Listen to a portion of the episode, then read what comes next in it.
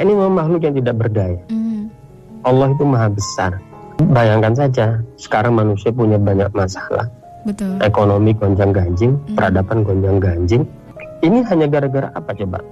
Bukan karena tentara yang begitu hebat dan kokoh. Ini karena makhluk kecil, makhluk Allah ya, yang namanya COVID-19 yang nggak bisa dilihat dengan mata, kecil sekali. Ini menunjukkan apa? Menunjukkan kita ini kecil di hadapan Allah. Jadi kita ini harus menyadari manusia itu nggak bisa sombong, sehingga kita wajarnya dengan memahami kekecilan kita dan kebesaran Allah, kita muncul sikap yang namanya tawakal kepada Allah, sikap bergantung kepada Allah. ya kan?